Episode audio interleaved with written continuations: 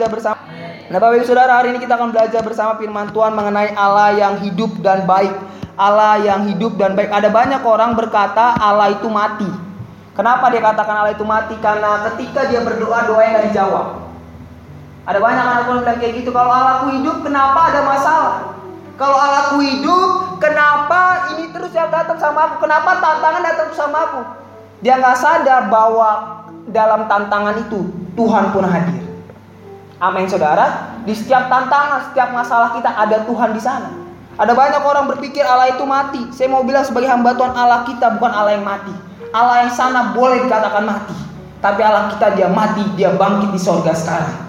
Dan saya mau katakan kepada saudara hari ini Allah kita, Bapa kita, Tuhan kita Yesus Kristus sedang dari sorga melihat kita. Alkitab berkata kalau Tuhan melihat di bumi, Tuhan melihat siapa yang beriman. Dia melihat ke bumi dan saya berdoa biarlah hari ini mata Tuhan tertuju ke Pontianak khususnya ke Taman Mutiara Alam. Kenapa? Karena ada jemaat Tuhan yang beriman dan percaya bahwa Allah sanggup menolong dia. Kita berikan tepuk tangan buat Tuhan Yesus. Amin saudara. Ya, yakinlah saudara. Tuhan kita adalah Tuhan yang hidup. Dia hidup, bukan cuma hidup, dia berkuasa.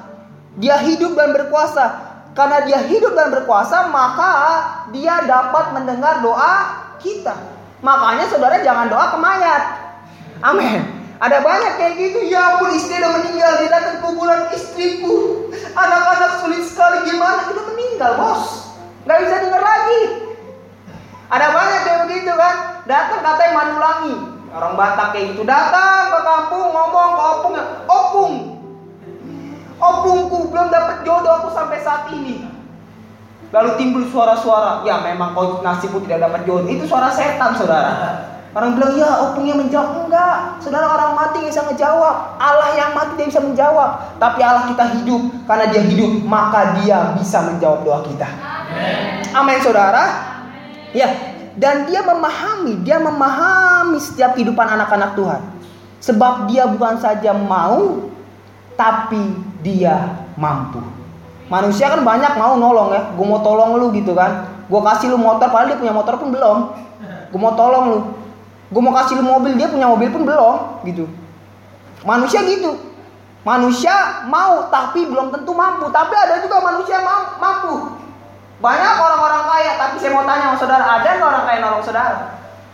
Ada gitu, ya ampun, anak ini kasihan sekali Setiap hari berdagang, setiap hari bekerja, aku kasihlah mobil satu dengan dia. No. Tapi Allah kita, dia mau dan dia mampu.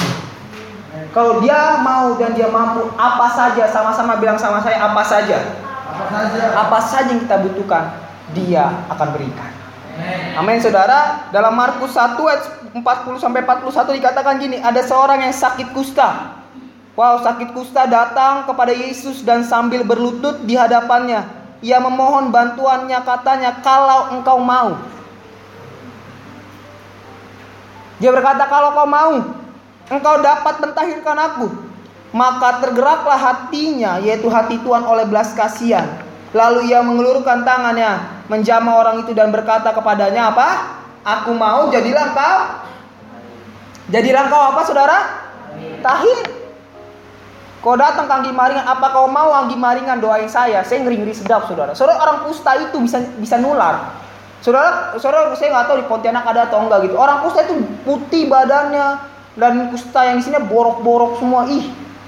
Tapi saya mau bilang saudara, ketika Yesus menyentuh dia, bukan Yesus menjadi najis. Dan orang kusta itu dikatakan najis. Di Israel kalau ada orang kusta dia harus bilang najis, najis, najis. Dia orang yang sangat dipinggirkan. Tapi Yesus menyentuh dia. Dan ketika Yesus menyentuh orang kusta, bukan Yesus yang menjadi najis, tetapi orang yang najis itu menjadi suci. Yang ngerti katakan amin. Ketika kita menyentuh Tuhan, kita yang berdosa, kita yang bersalah. Ketika kita menyentuh Tuhan dan Tuhan menyentuh kita, bukan Tuhan yang menjadi berdosa, bukan Tuhan yang menjadi salah, tapi kitanya yang menjadi kudus, kitanya yang menjadi suci. Itu Tuhan kita, saudara. Amin. Yang yang yakin Tuhan kita kayak kayak gitu katakan amin. Ketika Tuhan ketika Tuhan menyentuh kita, bukan dia yang berubah. Ketika dia menyentuh kita bukan dia yang berubah, tapi kita yang berubah. Dan saya mau katakan sama saudara, Bapak kita adalah Bapak yang baik. Dan dia memperlakukan ini dia. Dia memperlakukan kita sebagai anak-anaknya sendiri. Yohanes 1 ayat 12 dikatakan semua orang yang menerimanya, yang di sini menerimanya katakan amin. Yang menerima dan percaya kepada Yesus katakan amin. Diberinya kuasa. Pertama diberi kuasa supaya apa? Menjadi apa? Jadi apa? Jadi apa saudara? Kalau anak ketemu sama bapak tuh semangat saudara. Dan hari kita mau ketemu bapak kita, saudara kita semangat. Amin. Kita disebut apa saudara? Anak-anak Allah. Siapa kita? Orang yang suka yang jadi tapi jadi anak-anak Allah. Saudara boleh next, saudara-saudara kalau saudara lihat gambar ini ada bumi. Ada bumi yang warna biru sana, saudara. Ya ada bumi, ada yang ada planet-planet, saudara. Ada bumi. Ini bumi, saudara. Ya ini yang kau saudara tahu saya kasih tahu bumi saudara ya. Ini bumi ada Venus, ada Mars, Mercury dan Pluto. Ini, ini adalah planet-planet next. Dan kalau kita lihat lagi lebih dalam lagi, oh hilang. Ada lebih dalam lagi. Bumi dibandingkan dengan planet yang lain ada Jupiter, planet terbesar yang di, di yang kita tahu ada Saturnus, ada Uranus, ada Neptune. Bumi paling kecil. Boleh next lagi. Kalau dibandingkan lagi dengan dibandingkan lagi dengan matahari, saudara bisa lihat kecil sekali bumi. Boleh next lagi. Dibandingkan lagi dengan ini ada matahari, saudara dibandingkan lagi dengan uh, apa namanya itu bintang sakti yang lain, sudah ada Sirius, ada Polo, bahkan ada Arcturus. Arcturus adalah suatu sekali dan ini bumi nggak tahu di mana lagi. Dia nggak kelihatan.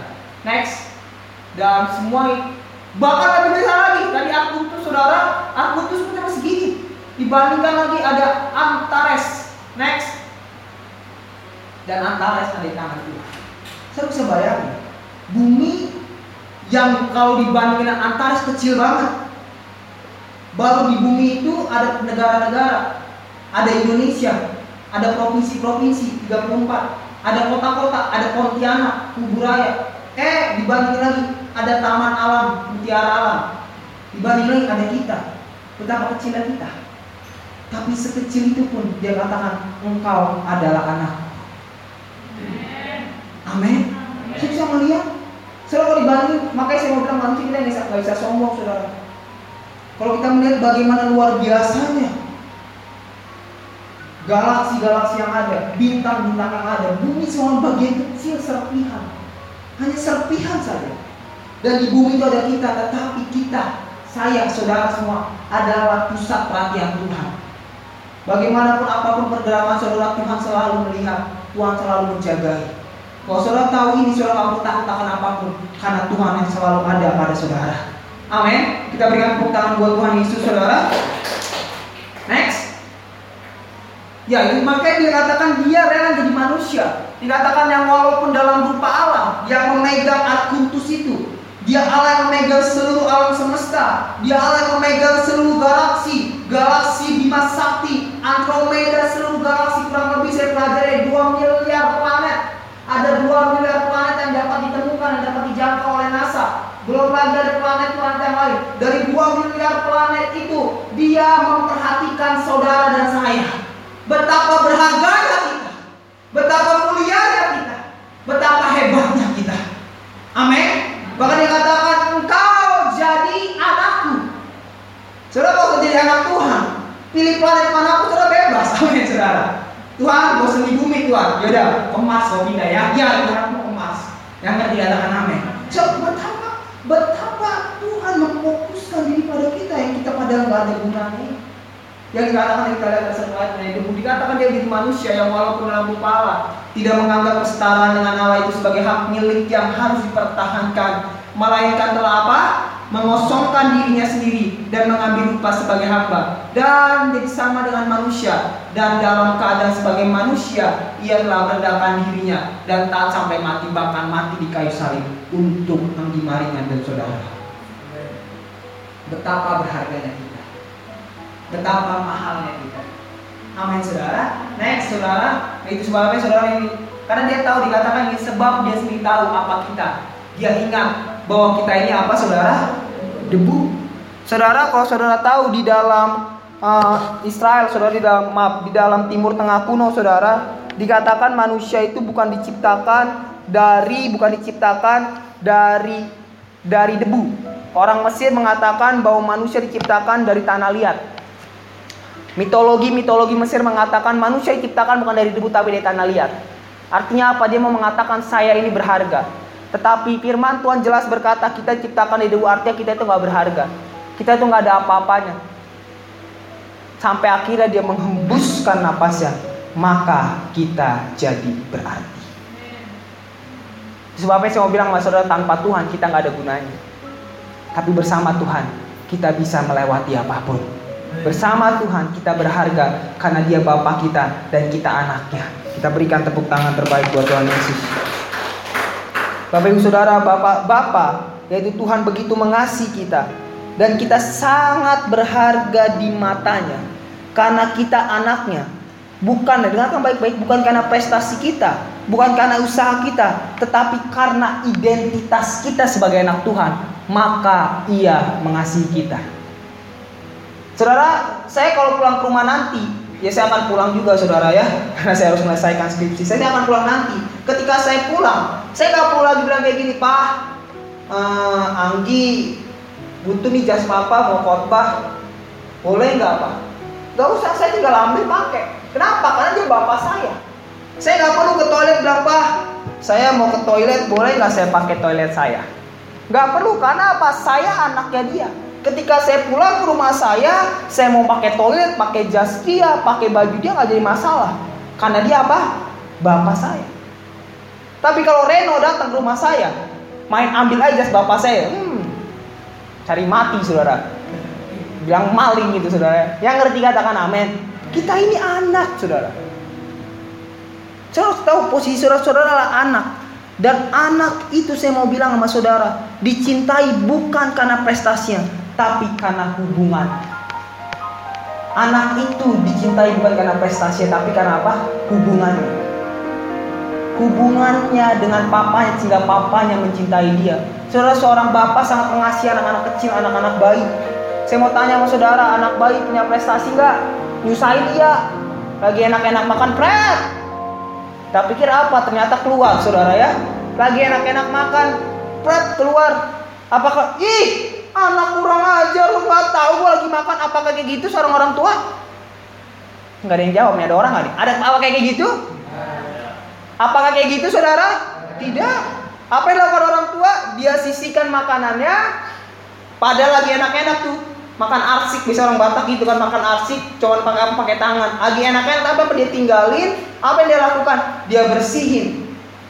Ispret anaknya enak dia makan. Aduh gara-gara anak ini makanan itu jadi no enggak. Dia makan lagi. Bahkan tangannya berlumuran saudara. Dia lanjutin saudara ya. Nggak seperti itu saudara.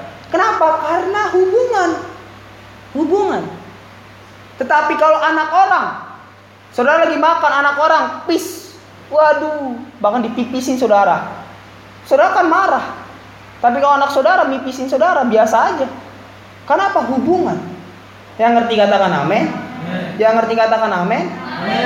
Bahkan sekalipun bayi-bayi yang seluruh kehidupannya menjadi beban bagi orang tuanya tetapi dengan senang hati orang tuanya bekerja keras merawatnya siang dan malam. Kenapa? Kenapa dia lakukan itu karena hubungan dan dia melakukan itu dengan sukacita. Dia melakukan itu bukan dengan sungut-sungut. Dia nggak pernah bilang, aduh payah banget sih.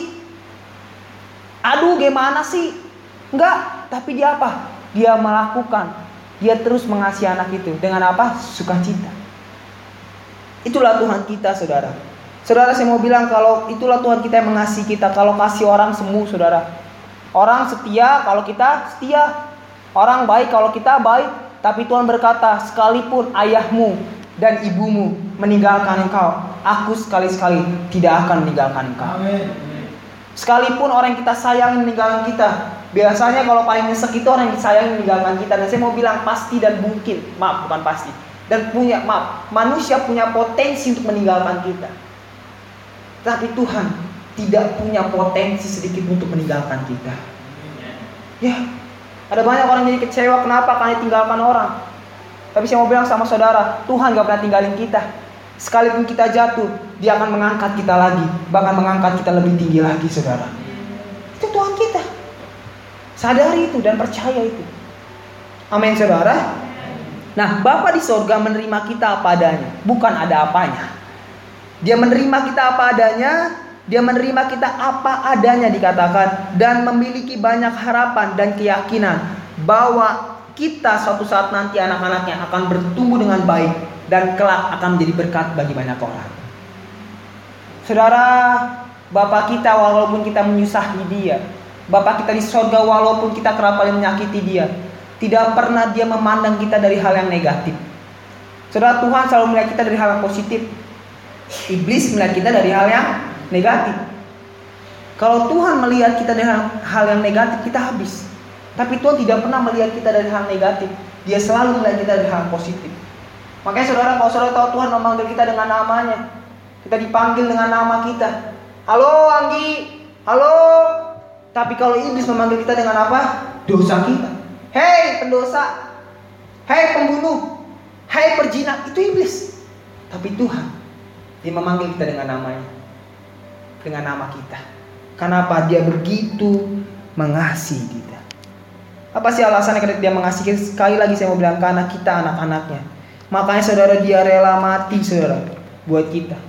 Saudara saya mau bilang tidak ada saudara kabar yang luar biasa di muka bumi ini selain kematian Yesus Kristus. Dan Yesus Kristus mati buat saya dan saudara. Tidakkah saudara bersyukur? Tidakkah saudara merasakan itu? Amin. Ada orang nggak nih? Amin. Bapak tidak pernah Bapak tidak pernah menolak kita. Bapak tidak pernah membuang kita karena kita saudara dan saya begitu disayanginya.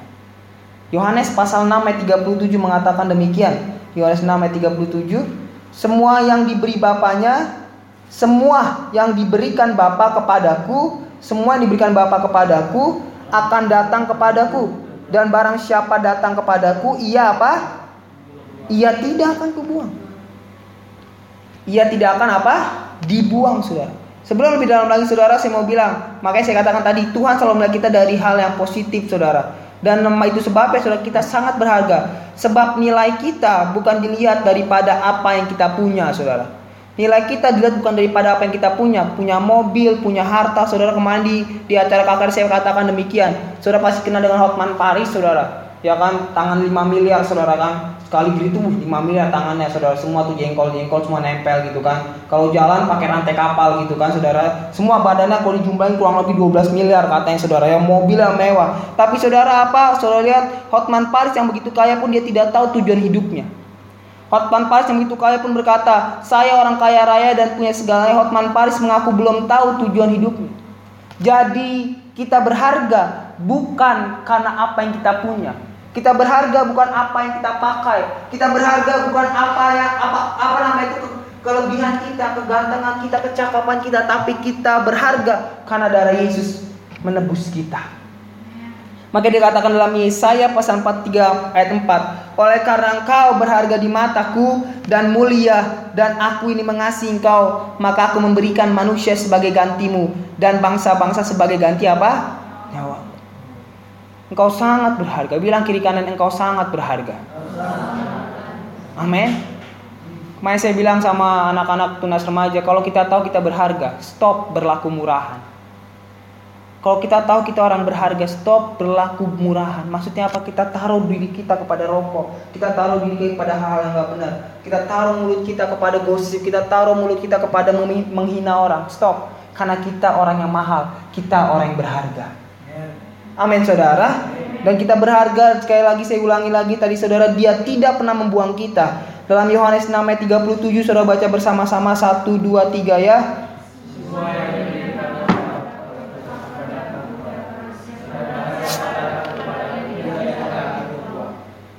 Barang siapa datang kepadaku ia tidak akan Barang siapa datang kepadaku ia tidak akan yang datang kepada Tuhan hari ini katakan amin. Kita berkata kau tidak akan pernah Tuhan buang. Sekalipun kau salah, sekalipun kita jatuh, Alkitab berkata kita tidak akan pernah dibuang, saudara. Itu sebabnya saudara Bapak mengendaki pertumbuhan rohani. Setiap kali ada sedikit saja, dengarkan baik-baik. Setiap kali ada sedikit saja pertumbuhan, Bapak di sorga sangat gembira dan bersuka cita. Seperti seorang ayah atau ibu yang bersuka cita melihat pertumbuhan anaknya.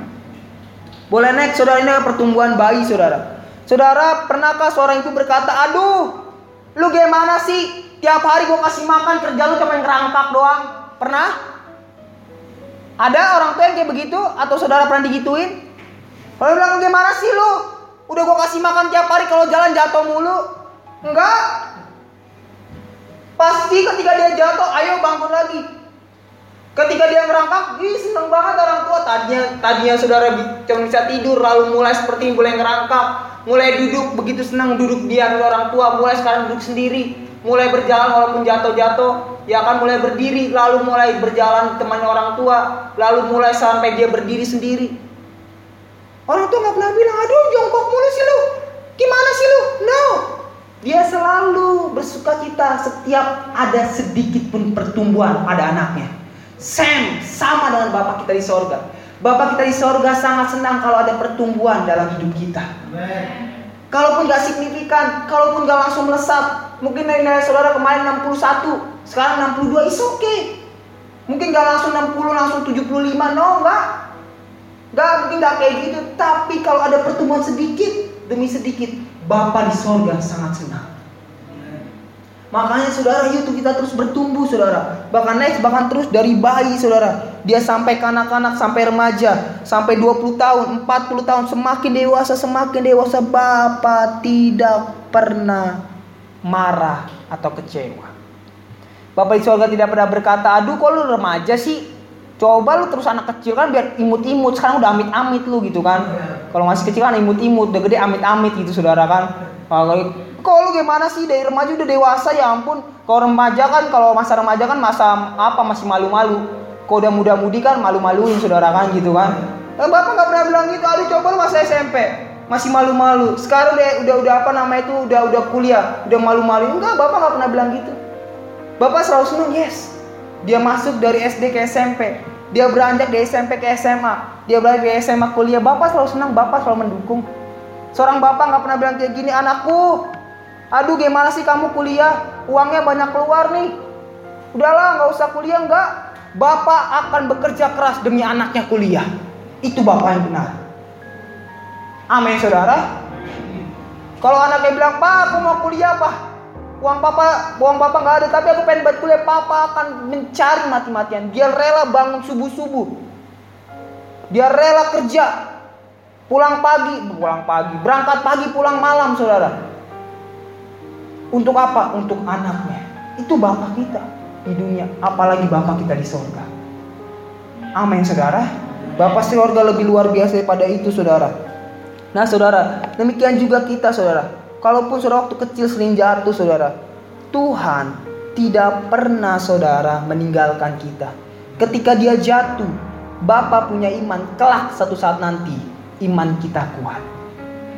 Maka dikatakan next, sebab tujuh kali orang benar jatuh, namun ia bangun kembali. Tetapi orang fasik akan roboh dalam kebencanaan. Sebab tujuh kali orang benar jatuh, namun ia akan apa?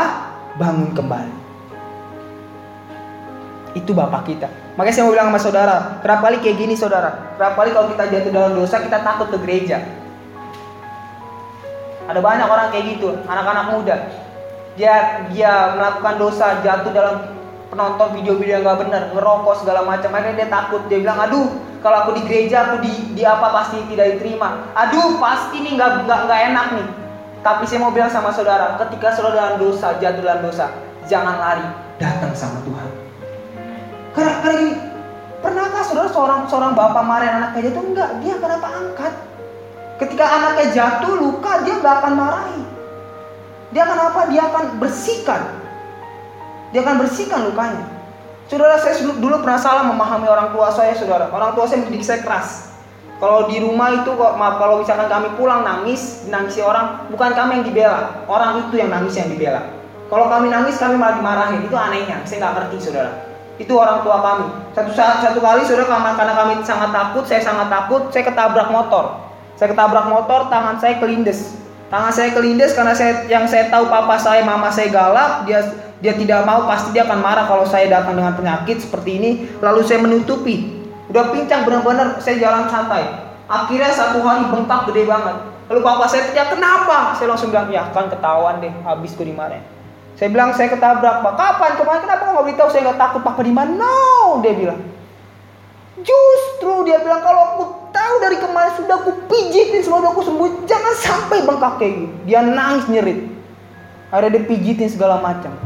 Saya mau bilang sama saudara, kalau kita jatuh, kalau kita terluka dalam dosa, jatuh dalam dosa, jangan lari daripada Bapa, justru datang kepada Bapa. Karena dia apa? Dia mau membalut luka kita. Dia mau membersihkan luka kita. Dia mau kasih antibiotik kepada kita. Dia mau kasih semangat pada kita supaya kita nggak jatuh lagi. Amin saudara. Itu sebabnya saya mau kata sama saudara catat baik-baik. Gak usah lari saudara. Sebab apa? Kita dicari. Bukan untuk disakiti, tetapi untuk dicintai. Saya ulangi sama saudara, nggak usah lari saudara. Sebab kita itu dicari, bukan untuk disakiti, tetapi untuk dicintai. Bapak menyari kita. Kalau saudara ada masalah, jangan lari dari Tuhan. Datengin Tuhan. Kalau saudara jatuh dalam dosa, datengin Tuhan. Karena gini, banyak sekali anak-anak Tuhan ketika jatuh dalam dosa, dia tertuduh. Apalagi para pelayan Tuhan. Dia akan sangat tertuduh. Aduh, gue gak layak lagi nih melayani. Saya mau tanya, emang ada yang layak melayani? Ketika hamba-hamba Tuhan jatuh, aduh, dia akan mundur. Pada Tuhan berkata, ayo, kalau kau jatuh datang lagi, balik lagi. Aku mau membalut lukamu, bahkan mengangkat engkau lebih tinggi lagi, saudara. Itulah Tuhan kita yang luar biasa, saudara. Itu sebabnya, sebab apa, saudara? Sebab Bapa tidak pernah menyesali panggilannya dan karunia terhadap anak-anaknya. Dalam Roma pasal 11, saudara, ayat 1 dan 2 Saudara dikatakan maka aku ber, aku bertanya adakah Allah mungkin telah menolak umatnya? Sekali-sekali apa? Karena aku sendiri pun orang Israel dari keturunan Abraham dari suku Benyamin Allah tidak menolak umatnya yang dipilihnya. Sekalipun Israel jahatnya bukan main Israel dikatakan tegar tengkuk sekalipun tidak bisa dibilangi Seribu kali Tuhan bilang bangun, seribu satu kali dia jatuh. Tetapi Allah tidak pernah menyesali panggilannya kepada Israel. Sama dengan kita, Allah tidak pernah menyesali panggilannya kepada saudara dan saya. Kalaupun kita jatuh, bangkit lagi. Karena Allah siap membalut luka kita, saudara. Supaya jangan lari dari Tuhan. Dia nggak pernah menyesali. Sebab Allah, Roma 11 ayat 29 dikatakan, sebab Allah tidak menyesali kasih karunia dan panggilannya. Dia gak pernah nyesel saudara. Dia gak pernah nyesel ya gue selamatin orang kayak gini. Atau kayak gitu gak usah selamatin deh. No. Bisakah kita jatuh dalam dosa? Bisa. Saya jujur saya ketika saya lahir baru, saya lahir baru tahun 2010 ketika saya masih masih saudara masih SMP, kelas 1 SMP. Saya ikut training dasar, saya lahir baru, saya saya dibaptis. Apakah selesai dari situ jadi manusia rohani? Enggak. Habis saya training, saudara, habis saya dibaptis, dua bulan kemudian, haleluya, puji Tuhan itu kebandelan saya yang luar biasa. Saya ikut tawuran saudara. Ya tahu tawuran gitu kan. Woi maju, woi maju, maju. Orang yang maju kita mundur gitu kan, dengan gaya-gayaan saudara kan. Di situ padahal saya saya nggak pernah ngelakuin itu. Waktu SD ya saya nggak marah-parah basi. Ya nakalnya saya malah ke orang saudara ya. itu nakal juga ya. Malah ke orang. Tapi waktu SMP udah selesai training, udah selesai baptisan kayak begitu. Dua bulan kemudian. Lalu saya bilang Tuhan perlu kasih baptis ulang lagi saya pikir-pikir kalau setiap makin dosa baptis orang, berapa sering saya dibaptis kan gitu saudara. Tapi Tuhan bilang, oh nggak perlu, nggak perlu, nggak perlu. Kenapa nggak perlu? Karena aku tidak pernah menyesali ketika menyelamatkan engkau. Tuhan nggak pernah menyesali, menyesali ketika dia memanggil kita. Tuhan tidak pernah menyesali ketika dia memberikan karunia kepada kita. Tuhan tidak pernah menyesali ketika dia menyelamatkan kita. Amin saudara, itulah Tuhan kita saudara. Dan selain itu saudara sepanjang selain itu saudara bukan saja dia tidak menyesali tetapi saudara dia memiliki harapan dan cita-cita dalam hidup kita. Ayat yang sangat klasik Yeremia 29 ayat 11 saudara. Yeremia 29 ayat 11 berkata, "Sebab aku ini mengetahui, kita baca bersama-sama 1 2 3 ya. Sebab aku ini mengetahui rancangan-rancangan apa yang ada padaku mengenai kamu, Demikianlah firman Tuhan, yaitu rancangan damai sejahtera dan bukan apa? Rancangan kecelakaan untuk memberikan kepadamu hari depan yang penuh untuk memberikan hari depan yang penuh harapan. Saya mau bilang sama saudara, Tuhan tidak pernah merancangkan kegagalan. Tuhan tidak pernah merancangkan broken home. Tuhan tidak pernah merancangkan saudara sakit. Bahkan saya mau katakan Tuhan tidak pernah merancangkan saudara miskin. Tapi bang kenapa saya lahir di keluarga miskin bang? Kenapa saya lahir di keluarga yang sulit, Bang? Saya mau bilang, oke, okay, is oke okay kita lahir di keluarga miskin, tapi jangan sampai mati miskin. Amin. Ya, tadi saya ngajar mengenai training dasar mengenai hidup berlimpah. Saya bilang ya karena kita nggak tahu. Mungkin papa mama kita orang berdosa, bangkrut, kena kutuk, miskin segala macam. Oke, kita memang boleh lahir di keluarga miskin, tapi saya mau bilang itu bukan rencana Tuhan. Tapi kalaupun saudara lahir di keluarga miskin, jangan sampai saudara mati dalam keadaan miskin. Sebab rancangan Tuhan ada rancangan damai sejahtera. Amin. Ya, orang bilang kayak gitu kan ya bang, orang kaya aja nggak bahagia bang. Orang kaya nggak bahagia apalagi orang miskin. Nah kadang suka rohani gitu kan ya bang itu bang orang kaya gitu nggak bisa tidur lah. Saya mah bang di ya kalau saya bisa tidur bang walaupun atapnya itu bulan dan bintang bang dan langit-langit itu kan alasnya itu adalah tanah merah bang tapi saya bisa tidur bang. Yang ngerti katakan amin? Tapi Tuhan nggak rencanakan itu. Tuhan merencanakan atap saudara pelapon yang bagus. Kalau bisa dua tiga tingkat rumah saudara. Oh saya nggak mau apa adanya saudara. Saya nggak takut saudara. Ada di sini yang mau hidup miskin. Saya bilang enggak. Saya nggak mau hidup miskin. Karena ada orang berkata demikian. Kalau miskin dikatakan kudus. Enggak. Miskin justru tidak mempermuliakan nama Tuhan. Tapi lewat kekayaan saudara, keberhasilan saudara, kesuksesan saudara akan mempermuliakan nama Tuhan di sorga. Kita berikan tepuk tangan terbaik buat Tuhan Yesus.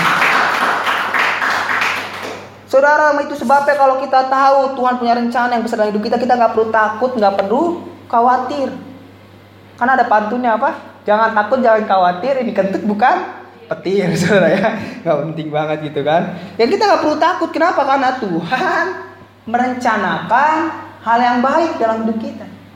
Maka lebih dalam lagi Yesaya 55 ayat 8 sampai 9 dikatakan, sebab rancangan-rancanganku bukanlah rancangan-rancanganmu, Rancangan-rancanganku bukanlah rancangan-rancanganmu dan jalanmu bukanlah jalanku. Demikianlah firman Tuhan. Seperti tingginya langit dari bumi, demikianlah apa? Tingginya jalanku dari jalanmu dan rancanganku dari apa? Sampai saat ini NASA dan segala LIPI saudara saya datang pernah ke lembaga penelitian Indonesia sudah observasi sampai sekarang mereka tidak bisa tidak bisa Tuhan mengukur tingginya langit dan bumi. Di atas langit ada langit lagi, Makanya ukurannya bukan kilometer apa meter tapi pakai kecepatan cahaya. Itu pun gak bisa diukur. Artinya apa rencana Tuhan dalam hidup saudara tidak bisa diukur. Ada rencana yang luar biasa yang gak saudara pikirkan. Itulah Tuhan siapkan buat hidup saudara dan keluarga saudara. Amin. Kita boleh berikan tepuk tangan buat Tuhan Yesus. Amin saudara. Karena Bapak begitu mengasihi kita. Dan sehingga itu sebabnya dia menginginkan hal-hal yang baik terjadi atas hidup kita. Dia hanya menginginkan hal-hal yang baik bagi kita. Tidak ada sedikit pun keinginan Tuhan untuk hal-hal yang buruk terjadi dalam hidup kita. Kalau ada yang buruk saya mau bilang itu dari setan. Semua yang baik berasal daripada Tuhan. Semua yang buruk berasal daripada sama-sama ikuti saya. Semua yang buruk berasal dari iblis. Semua yang baik berasal daripada Tuhan. Tidak ada yang baik yang daripada iblis. Yang dari iblis semuanya buruk. Yang dari Tuhan semuanya baik. Tidak ada yang buruk yang daripada Tuhan. Ulang-ulangin ya saudara itu. Intinya itu. Buat garis. Karena ada bilang kayak gini bang, iblis bisa kasih kita orang kaya bang. Iblis bisa kasih kita jadi kaya bang. Iya. Nenek saya dukun saudara. Bahkan pendeta pun datang saudara nggak ngerti juga. Pendeta pejabat datang ke dukun. Ke nenek saya. Walaupun nenek saya aneh-aneh saudara. Katanya Musa itu buta huruf. Katanya Musa itu pandai berbicara buta huruf. Kebalik saudara kan. Baca Alkitabnya mungkin kayak begini saudara ya kan. Kebalik dia baca Alkitabnya saudara ya. Udah jelas di Alkitab berkata Musa itu pandai menulis. Tapi saudara dia tidak buta huruf. Tapi dia gagap dalam berbicara gitu. Itu nenek saya dukun siantar saudara. Itu banyak pendeta datang itu datang. Ya jadi kayak jadi. Tapi apa? Ada tumbalnya. Kaya ya sementara. Tapi ada tumbalnya anaknya yang cacat, istrinya yang kecelakaan. Itu. Jadi saya mau bilang sama saudara, semua yang buruk berasal daripada iblis. Buat garis. Jangan saudara berkata, ya bang iblis baik. No, enggak. Ada banyak anak-anak muda dari merantau dari kampung ke Jakarta, saudara berkata, iblis itu baik kenapa? Dilindungin pakai jimat. No. Ya pakai jimat, lindungi satu kali, dua kali, ketiga kali diambil, diambil, dimakan kita sama iblis. Makanya jelas buat garis saudara bahwa semua yang daripada iblis itu adalah buruk, tapi daripada Tuhan semuanya baik. Amin saudara. Dikatakan sebab Yakobus 1:17 sebab pemberian yang baik dan setiap anugerah yang sempurna datangnya dari mana saudara? Dari mana saudara? Diturunkan dari Bapa segala terang. Dari Bapa segala terang diberikan kepada kita. Tuhan berusaha memberikan yang terbaik sama kita. Saya yakin saudara di sini anak-anak muda, ada orang tua di sini. Saudara punya rencana yang besar buat anak saudara. Saudara punya rencana yang besar buat keluarga saudara. Tuhan, saudara punya rencana yang besar untuk masa depan saudara. Good, bagus, rencanakanlah. Tapi mau bilang, rencana Tuhan lebih besar daripada itu. Kalau rencana saudara ya saudara capai, saudara akan mantul, mantap betul, masuk Pak Eko. Udah hebat.